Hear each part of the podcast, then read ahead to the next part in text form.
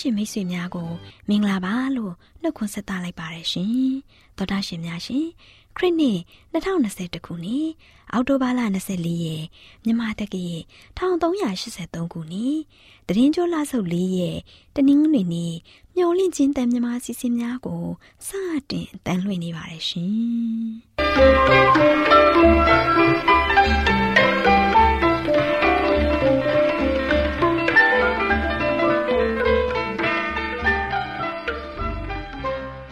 တော်တာရှင်များခင်ဗျာမျော်လင့်ခြင်းအတန်မြန်မာအစီအစဉ်ကိုနနက်6နာရီမိနစ်30မှ9နာရီအထိ16မီတာ kHz 10653ည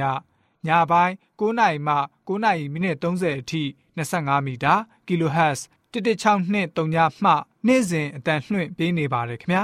ဒီကနေ့တနင်္ဂနွေနေ့မှာထုတ်လွှင့်ပေးမယ့်အစီအစဉ်တွေကတရားဒေသနာဟောကြားခြင်းအစီအစဉ်ကျမ်းမာပျော်ရွှင်လူပေါင်းတွင်အစီအစဉ်စံပြအိမ်အောင်ရေးအစီအစဉ်တို့ဖြစ်ပါတယ်ရှင်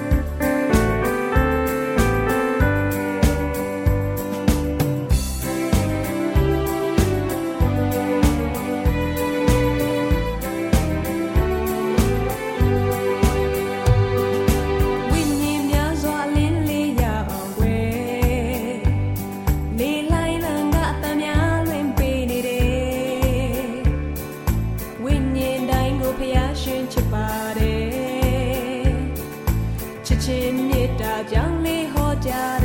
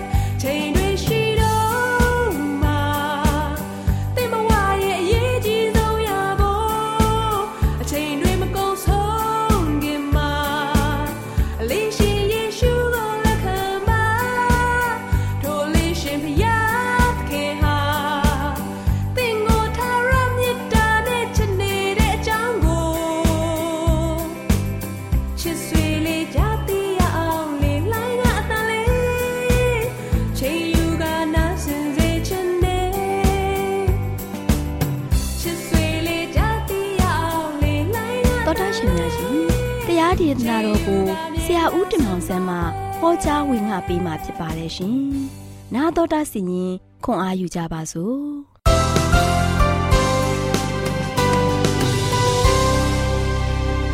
နေ့မင်္ဂလာရှိသောနေ့မြတ်မှာဆိုရှင်ကျွန်တော်အားလုံးပြန်လည်ပြီးတော့ဘုရားသခင်နဲ့တူမွေးလျော်ခွင့်ရတယ်ချစ်တော်မိတ်ဆွေတို့ဒီနေ့ပေးသွားခြင်းတဲ့သတင်းစကားကတော့သခင်ယေရှုသည်အရာအားလုံးဤအရင်မြစ်သခင်ယေရှုသည်အရာအားလုံးရဲ့အရင်မြစ်ဆိုတဲ့အကြောင်းအရာကိုပေးသွားမှာဖြစ်ပါတယ်ဟုတ်ပါတယ်ချစ်တော်မိတ်ဆွေတို့ သခင်ယေရှုကအရာခတ်သိမ်းရဲ့အရင်မြစ်ဖြစ်တယ်ဘာကြောင့်လဲကဘာကြီးကသူကိုယ်တိုင်ကဖန်ဆင်းခဲ့တယ်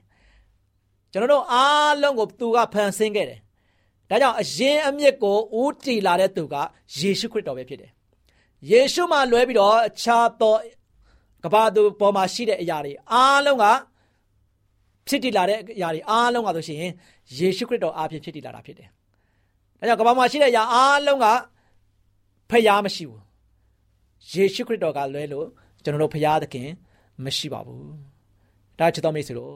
သခင်ယေရှုကအရာအားလုံးရဲ့အရင်မြစ်ဖြစ်တဲ့အတွက်ကြောင့်အရာအားလုံးရဲ့အရှင်ဖြစ်တယ်အရာအားလုံးရဲ့သခင်ဖြစ်တယ်လို့အရာအားလုံးရဲ့ဖျားဖြစ်တယ်ဆိုတာကိုယနေ့ကျွန်တော်တို့သိသွားဖို့ဖြစ်ပါတယ်ချစ်တော်မိတ်ဆွေတို့ထိုနှုတ်ကပတော်သည်အစဦး၌ဖျားသခင်နှင့်အတူရှိ၏တဲ့ထိုနှုတ်ကပတော်သည်အရာခတ်ခတ်သိမ်းသောအရာတို့ကိုဖန်ဆင်းတော်မူ၏ ဖန်ဆင်းတော်မူခြင်းနှင့်ကင်းလွတ်လျက်ရှိသောအရာတစ်စုံတစ်ခုမျှမရှိဆိုပြီးတော့ယောဟန်ခန်းကြီး1အငယ်1ကနေမှ3ကဖော်ပြထားပါတယ်။နော်တိတ်ကောင်းတဲ့ကြံ့ချက်ဖြစ်ပါတယ်။ကျွန်တော်ဖရားရဲ့ဇာတိတော်ကိုဖော်ပြထားတဲ့ကြမ်းကြက်ဖြစ်ပါတယ်ပြန်ဖတ်ကြည့်ကြရအောင်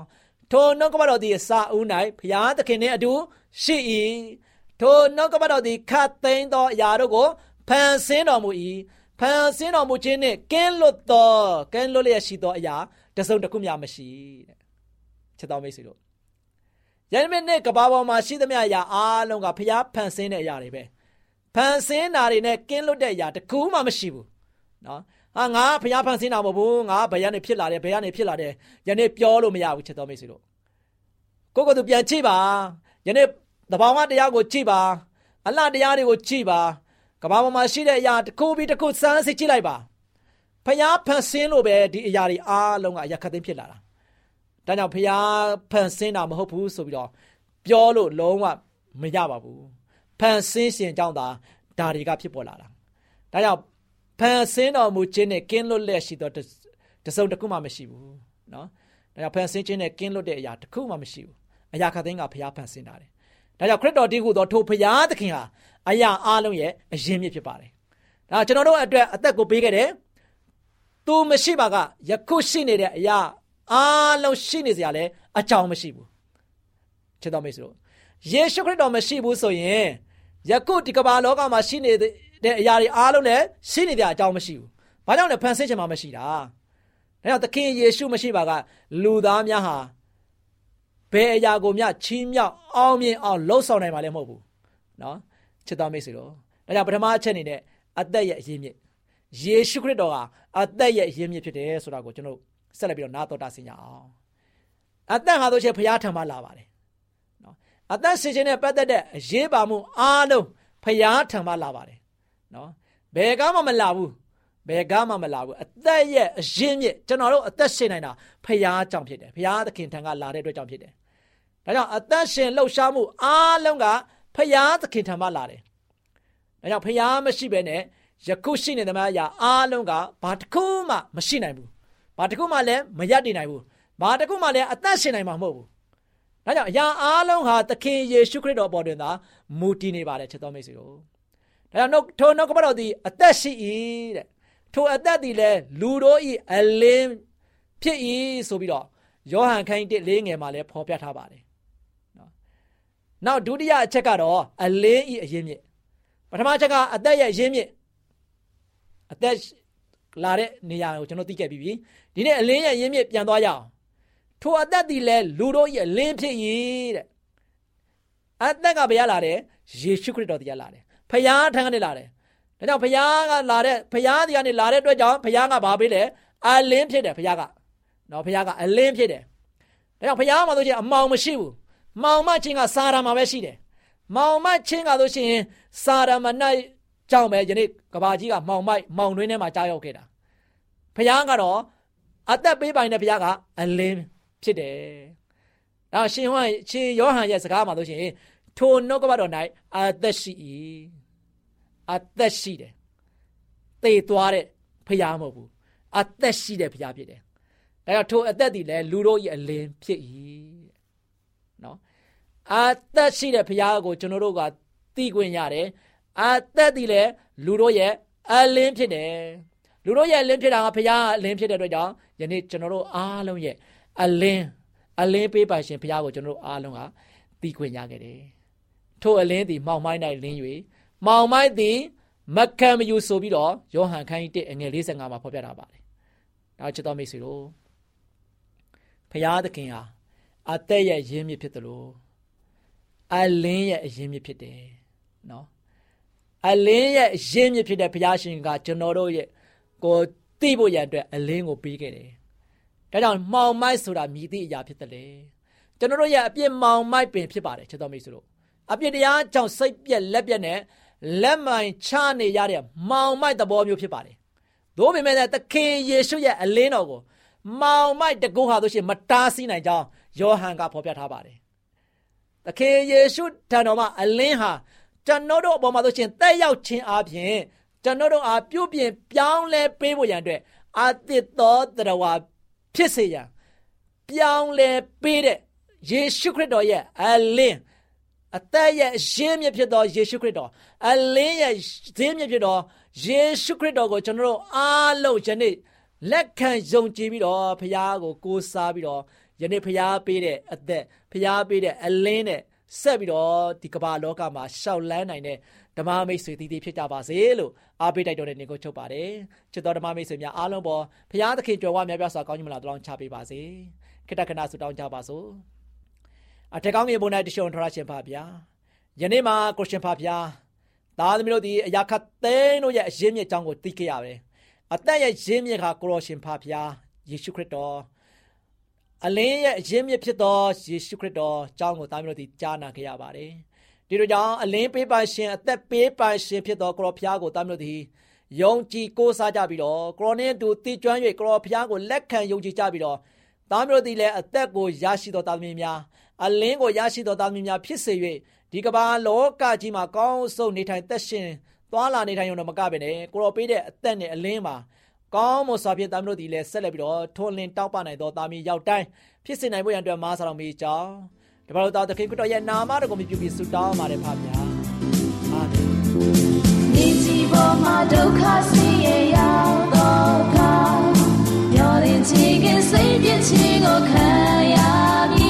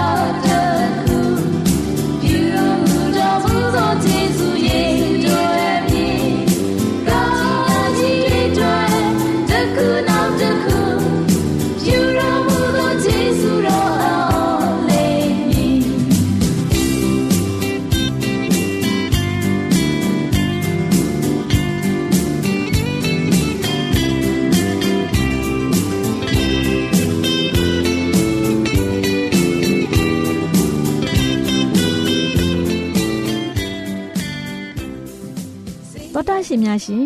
ဆက်လက်ထုတ်လွှင့်ပေးမယ့်အစီအစဉ်ကတော့သင်နဲ့သင်ကျမ်းမာရေးအစီအစဉ်ပဲဖြစ်ပါရဲ့ရှင်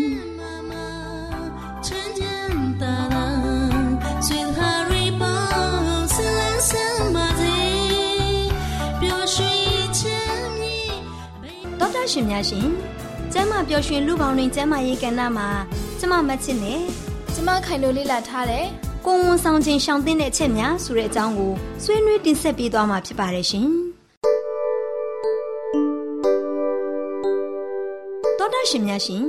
အမျိုးသမီးတယောက်အနေနဲ့ကိုဝန်ဆောင်ခြင်းရောက်ပြီဆိုရင်တော့ကိုယ့်ရဲ့ဝမ်းမိုက်ထဲမှာအသက်ရှိတဲ့အရာလေးတစ်ခုကပုံမှန်အသက်ရှူနေပြီးသူ့အတွက်ဘဝလေးတစ်ခုဖြစ်တည်တော့မယ်ဆိုတာကိုသောတာရှင်မိခင်တူအနေနဲ့နားလည်ထားရမှာဖြစ်ပါတယ်ရှင်။ဒါအပြင်သူကလေးအသက်ရှူနေတာရက်တက်မသွားစေဖို့ မိခင်ကဂယူဆိုင်နေထိုင်မှုပြုပေးရမှာဖြစ်ပါတယ်။မိခင်ရဲ့ဂယူဆိုင်မှုဟာကိုယ့်ရဲ့ကလေးငယ်ကြီးထွားဖွံ့ဖြိုးပြီးကျန်းမာလာစေဖို့ဖြစ်တယ်ဆိုတာကိုနားလည်ထားဖို့လိုအပ်ပါတယ်ရှင်။ဒါကြောင့်သောတာရှင်မိခင်တူအနေနဲ့ကိုယ်ဝန်ဆောင်နေတဲ့အချိန်မှာရှောင်ကျဉ်ရမယ့်အရေးကြီးလာတဲ့အချက်တွေကိုဖော်ပြပေးလိုက်ရပါတယ်ရှင်။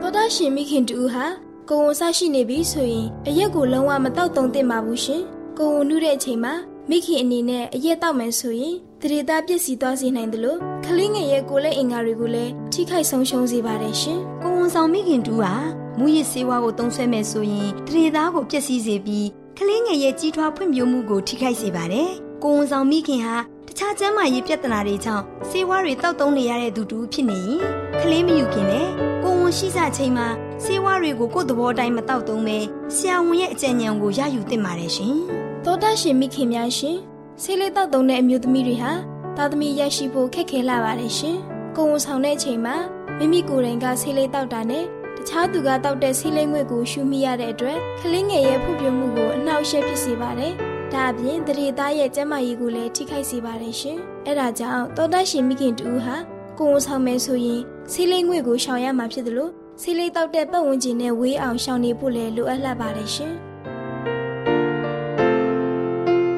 တာရှင်မိခင်တူအနေနဲ့ကိုဝန်ဆောင်တဲ့အချိန်မှာစိတ်ဖိစီးမှုဖြစ်မယ်ဆိုရင်ကလေးငယ်တွေမှာလည်းစိတ်ဖိစီးမှုတွေဖြစ်တတ်တယ်ဆိုတာသိထားဖို့လိုအပ်လာပါတယ်ရှင်။ကိုဝန်ဆောင်ချိန်မှာစိတ်ဖိစီးတာကြောင့်သွေးဖိအားမြင့်တက်မှုကိုဖြစ်စေပါတယ်။ဒါအပြင်သွေးလက်ပတ်မှုပုံမမှန်တာအသက်ရှူမှုခက်ခဲတာစတဲ့ပြဿနာတွေကိုလည်းဖြစ်ပေါ်စေပါတယ်ရှင်။ သောတာရှင်မိခင်တူဟာကိုယ်ဝန်ဆရှိပြီဆိုတာကိုသိတာနဲ့ဖက်နှက်အမြင့်ကိုမစီးပဲဖက်နှက်အပားနဲ့ခြေထောက်ချော်ထွက်မှုအဖြစ်စေတဲ့ဖက်နှက်မျိုးကိုရွေးချယ်စီဖို့လိုအပ်ပါတယ်။သောတာရှင်ကိုယ်ဝန်ဆောင်မိခင်ရဲ့ခနာကိုယ်ကိုညီမျှအောင်ထိမ့်ပေးပြီးတက်တောင့်တက်တာဖြစ်စေတဲ့ဖက်နှက်ကိုသာစီးတင်ပါတယ်။ကိုယ်ဝန်ဆောင်ချိန်မှာခြေထောက်ရောင်ရမ်းတာတွေဖြစ်တတ်တဲ့အတွက်အရင်ကျက်လွန်တဲ့ဖက်နှက်တွေကိုမစီးဖို့လိုအပ်ပါတယ်ရှင်။ဒေါက်တာရှင်ကိုဝန်ဆောင်မိခင်တူဟာအပူအဆက်တွေကိုစိုက်ညက်တက်တဲ့သူတူဖြစ်နေမယ်ဆိုရင် ကိုဝန်ဆောင်တဲ့အချိန်မှာတော့အပူအဆက်စားတဲ့အကျင့်ကိုပြောင်းလဲဖို့လိုအပ်ပါပြီ။ကိုဝန်ဆောင်နေတဲ့အချိန်မှာအပူအဆက်တွေကိုစားတဲ့အတွက်ရင်ပူတာလေပွားတာနဲ့ဝမ်းဖောဝမ်းယောင်တာတွေဖြစ်စေပြီးဒေါက်တာရှင်ကိုဝန်ဆောင်မိခင်ကိုတက်တောင့်တက်တာမဖြစ်စေပါဘူးရှင်။ဒါကြောင့်ကိုဝန်ဆောင်ချိန်မှာအပူအဆက်အစာတွေကိုမစားသင့်တော့ပါဘူးရှင်။သောတာရှင်များရှင်ကိုယ်ဝန်ဆောင်ချိန်မှာလေးလံတဲ့အိတ်ကိုကြောပိုးပြီးရေငုပ်ရတဲ့လေ့ကျင့်မှုမျိုးနှင်းလျှောစီးတာမျိုး တောင်တက်တာလိုလေ့ကျင့်မှုတွေဟာအလွန်မှပင်အန္တရာယ်များတဲ့လှုပ်ဆောင်မှုတွေဖြစ်ပါတယ်ရှင်။အဲဒါကြောင့်ဒီအလုပ်တွေနဲ့ဆက်ဆက်မှုရှိတဲ့ကိုယ်ဝန်ဆောင်မိခင်တွေဟာအနားယူသင့်ပါတယ်ရှင်တောတာရှင်ကိုဝန်ဆောင်မိခင်တူအနေနဲ့ကြက်အောင်မချက်ထားတဲ့အသားနဲ့ငါးတွေကိုမစားသုံးဖို့အလွန်မှလိုအပ်လာပါတယ်ရှင်။မကြက်တဲ့အသားနဲ့ငါးတွေထဲမှာမျက်စိနဲ့မမြင်နိုင်တဲ့ဘက်တီးရီးယားတွေရှိနေပါတယ်။တောတာရှင်ကိုဝန်ဆောင်မိခင်အနေနဲ့အဲ့ဒီအစာတွေကိုစားမိမယ်ဆိုရင် ကလေးငယ်ကိုထိခိုက်စေပါတယ်ရှင်။တောတာရှင်ကိုဝန်ဆောင်မိခင်ရဲ့ကလေးငယ်ကျန်းမာရေးကိုထိခိုက်မှုမရှိစေဖို့အသားစိမ်းငါးစိမ်းမကြက်သေးတဲ့အသားငါးတွေနဲ့ကင်ထားတဲ့အစာတွေကိုရှောင်ရှားဖို့လိုအပ်လာပါတယ်ရှင်။။သောတာရှင်ကိုယ်ဝန်ဆောင်မိခင်အနေနဲ့ဖော်ပြခဲ့တဲ့အချက်တွေကိုလိုက်နာကျင့်သုံးရင်ကျမ်းမာတန်ဆွမ်းတဲ့ရင်သွေးငယ်လေးကိုရယူပိုင်ဆိုင်နိုင်ပါစေလို့ဆန္ဒပြုလိုက်ရပါတယ်ရှင်။တောတာရှင်များရှင်ယခုဖော်ပြခဲ့တဲ့အကြောင်းအရာလေးကို Good Health ကျန်းမာရေးနဲ့အလှပချာနဲ့အတွေ့အမှတ်445မှာစာရေးသူတဲတဲရေးသားထားတဲ့ကိုဝန်ဆောင်ချင်းရှောင်းတင်းတဲ့အချက်များဆိုတဲ့အကြောင်းကိုကျမတို့မျှဝင့်ချင်းတန်မှာကောက်နှုတ်တင်ဆက်ပေးလိုက်ရပါတယ်ရှင်။တောတာရှင်များရှင်ကျမ်းမာပျော်ရွှင်လူပေါင်းတွင်ကျမ်းမာရေးကဏ္ဍမှာကျမမတ်ချစ်နဲ့ကျမခိုင်တို့က ကိုဝန်ဆောင်ချင်းရှောင်တင်တဲ့အချက်များဆိုတဲ့အကြောင်းအရာလေးကိုတင်ဆက်ပေးခဲ့သလိုနောင်လာမယ့်အချိန်မှာဘလို့အကြောင်းအရာလေးတွေတင်ဆက်ပေးအောင်မလဲဆိုတာကိုသိရလေအောင်စောင့်မျှော်နားဆင်အားပေးကြပါအောင်လားရှင်ကျေးဇူးတင်ပါတယ်ရှင်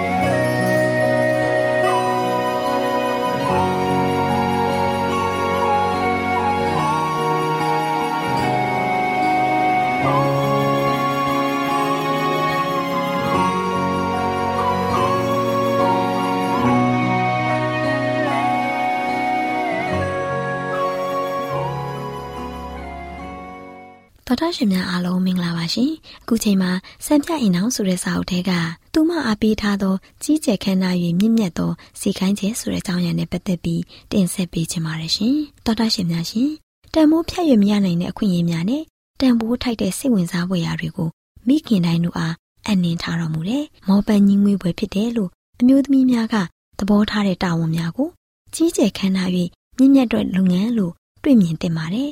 မိမိရဲ့ဩဇာတက်ရောက်မှုအပြင် ကဘာကြီးအားမင်္ဂလာဖြစ်စေရင်မိခင်ရဲ့အခွင့်အရေးဖြစ်တယ်ဒီလိုပြုလုပ်တဲ့အခါသူမကိုယ်တိုင်ရဲ့နှလုံးသားအတွက်ပျော်ရွှင်မှုကိုရရှိစေလိမ့်မယ်နေအောင်ချီနဲ့မှောင်ရိပ်များကိုဖျက်ပြီးဝမ်းမြောက်ဖွယ်ကောင်းတဲ့အထက်အရက်စီသို့ပို့ဆောင်ပေးတဲ့လမ်းခီမှာဖြောင့်မတ်တဲ့လမ်းများကိုသူမရဲ့သားသမီးများအတွက်ဖန်တီးပေးနိုင်တယ်။တို့ရတွင်သူမကိုယ်တိုင်ရဲ့ဘဝလမ်းကြောင်းမှာခရစ်တော်ရဲ့ဩဝါဒများကိုလိုက်နာကျင့်သုံးရန်ကြိုးပမ်းမှသာလျှင်သားသမီးတို့၌ဖျားသခင်ထားရှိတော်မူတဲ့အတိုင်း ဇာရိတများကိုပုံသွင်းပေးနိုင်လိမ့်မှာဖြစ်တယ်။ဘဝအသက်တာရဲ့ဆောင်ရွက်မှုအမျိုးမျိုးတွေရဲ့ကြားမှာမိခင်ရဲ့အမြင့်မြတ်ဆုံးသောတာဝန်ဟာသားသမီးတို့အတွက်ဆောင်ရွက်ရတဲ့တာဝန်ဖြစ်တယ်။တို့ရတွင်အတ္တစိတ်ကို ပြည့်စည်ရန်အတွက်ဒီတာဝန်ကိုဘေးဖယ်ထားတဲ့အချိန်ပေါင်းဘလောက်များခဲ့ပြီလဲသားသမီးတို့ရဲ့ပြစ်စုံပန်တဲ့ထာဝရအကျိုးဖြစ်ထွန်းမှုအတွက်ဆောင်ရွက်ရန်တာဝန်ကိုဘုရားသခင်ကမိဘတို့ရဲ့လက်ထဲသို့အနံထားတော်မူတယ်သူတို့ဟာအိမ်အောင်ဆိုင်ရာအုပ်ချုပ်မှုကိုနိုင်နှင်းစွာဆောင်ရွက်ပြီးဒီအိမ်အောင်တို့ဟာဘုရားသခင်ရဲ့ဂုဏ်ကျေးဇူးတော်ကိုထင်ရှားစေတဲ့ဌာနများအဖြစ်သို့ရောက်ရှိစေရန်လမ်းပြပို့ဆောင်ကြရမယ်နားဆင်ကြကြတဲ့သောတာရှင်များအားလုံးပေါ်ဖဖျားရှင်ကောင်းချီးပေးပါစေရှင်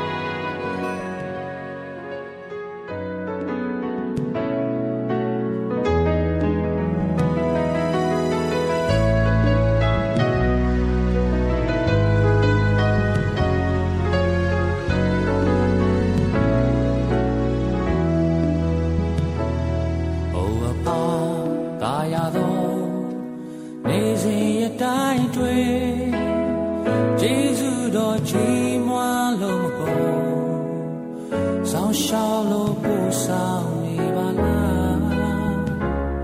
ကိုယ်တော်ရဲ့ဂျေဇုတော်အလုံးကြီးများကြော်ရွှင်ချိန်များ baby လိုပဲကွယ်စိတ်ညစ်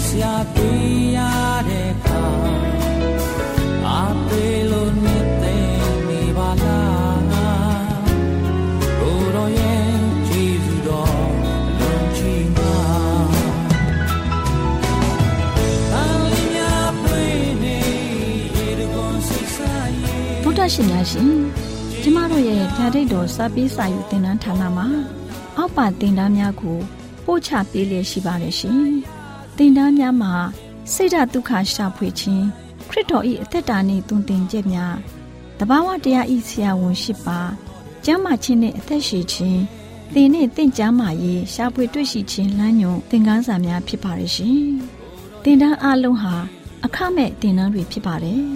ဖြစ်ဆိုပြီးတဲ့သူတိုင်းကို ဂုံပြုလွှာရှင်းမြင့်ပေးမှာဖြစ်ပါရဲ့ရှင်တော်တာရှင်များခင်ဗျာဓာတိတော်အတန်းစာပေးစာယူဌာနကိုဆက်သွယ်ခြင်းနဲ့ဆိုရင်တော့ဆက်သွယ်ရမယ့်ဖုန်းနံပါတ်ကတော့39 656 296 336နဲ့39 98 316 694ကိုဆက်သွယ်နိုင်ပါတယ်ဓာတိတော်အတန်းစာပေးစာယူဌာနကိုအီးမေးလ်နဲ့ဆက်သွယ်ခြင်းနဲ့ဆိုရင်တော့ L A L R A W N G B A W L A @gmail.com ကိုဆက်သွင်းနိုင်ပါတယ်။ဒါ့အပြင်အတန်းစာပေးစာဥထာဏာကို Facebook နဲ့ဆက်သွယ်ခြင်းနဲ့ဆိုရင်တော့ SOE SANDAR Facebook အကောင့်မှာဆက်သွင်းနိုင်ပါတယ်။ AWR မျော်လင့်ခြင်းအတန်ကိုအားပေးနေတယ်တော်တာရှင်များရှင်မျော်လင့်ခြင်းအတန်မှာအကြောင်းအရာတွေကိုပုံမသိရှိပြီးဖုန်းနဲ့ဆက်သွယ်လိုပါက39 2939 3926ခွန်45နောက်ထပ်ဖုန်းတစ်လုံးအနေနဲ့ 39 688 464 48ခွန်ကိုဆက်သွယ်နိုင်ပါတယ်ရှင် AWR မျော်လင့်ခြင်းအတန်ကို Facebook နဲ့ဆက်သွယ်ခြင်းနဲ့ဆိုရင်တော့ AWR ရန်ကုန် Facebook Page မှာဆက်သွယ်နိုင်ပါတယ်ခင်ဗျာအင်တာနက်ကနေမျော်လင့်ခြင်းအတန်ရေဒီယိုအစီအစဉ်တွေကိုနားထောင်ခြင်းနဲ့ဆိုရင်တော့ website လိပ်စာကတော့ www.awr.org ဖြစ်ပါတယ်ခင်ဗျာတောတာရှင်များရှင် KSTA အာကခွန်ကျွန်းမှာ AWR မျိုးလင့်ချင်းအတံမြန်မာအစီအစဉ်များကိုအတံလွှင့်ခဲ့ခြင်းဖြစ်ပါတယ်ရှင် AWR မျော်လင့်ခြင်းအတန်ကိုနာတော်တာဆင် gay ကြတော့တောတာရှင်အရောက်တိုင်းပေါ်မှာဘုရားသခင်ရဲ့ကြွယ်ဝစွာသောကောင်းကြီးမင်္ဂလာတက်ရောက်ပါစေကိုစိတ်နှဖျားစမ်းမွှေလန်းကြပါစေကျေးဇူးတင်ပါတယ်ခင်ဗျာ